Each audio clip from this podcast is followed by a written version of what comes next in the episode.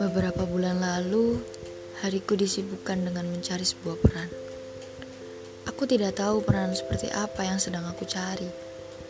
Yang jelas, aku hanya ingin memiliki cerita bahagia seperti film di drama Korea.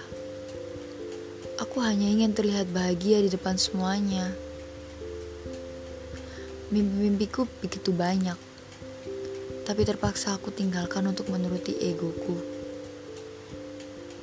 Aku berjalan, mencari, hingga menelusuri, tapi tak kunjung kutemukan. Aku lelah berjalan, takut sendirian, takut pada kegelapan. Tapi untuk meminta bantuan pada teman pun, aku gengsi.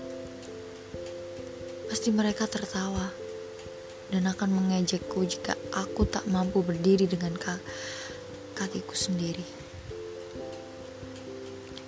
Sampai akhirnya aku memutuskan untuk berhenti di persimpangan. Duduk, diam, dan melamun. Sesekali menangis meratapi satu persatu bagian yang telah hilang. Karena ketidakmampuanku mencari sebuah peran itu. Aku putus asa. Hingga pada suatu ketika, aku bertemu dengan seseorang yang dengan ikhlas mengulurkan tangannya untukku, mengajakku untuk bangkit, meneduhkan piluku dia sangat berarti untukku sampai detik ini.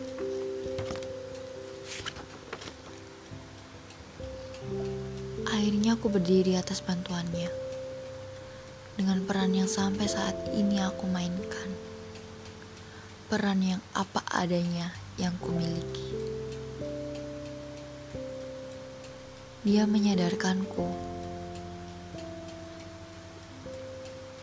baik yang bahagia ataupun sedih, seharusnya tetap disyukuri. Karena mereka juga bagian dari aku sendiri. Terlalu banyak menuntut, terlalu jauh untuk mencari. Ternyata peran itu sudah dalam diri aku sendiri.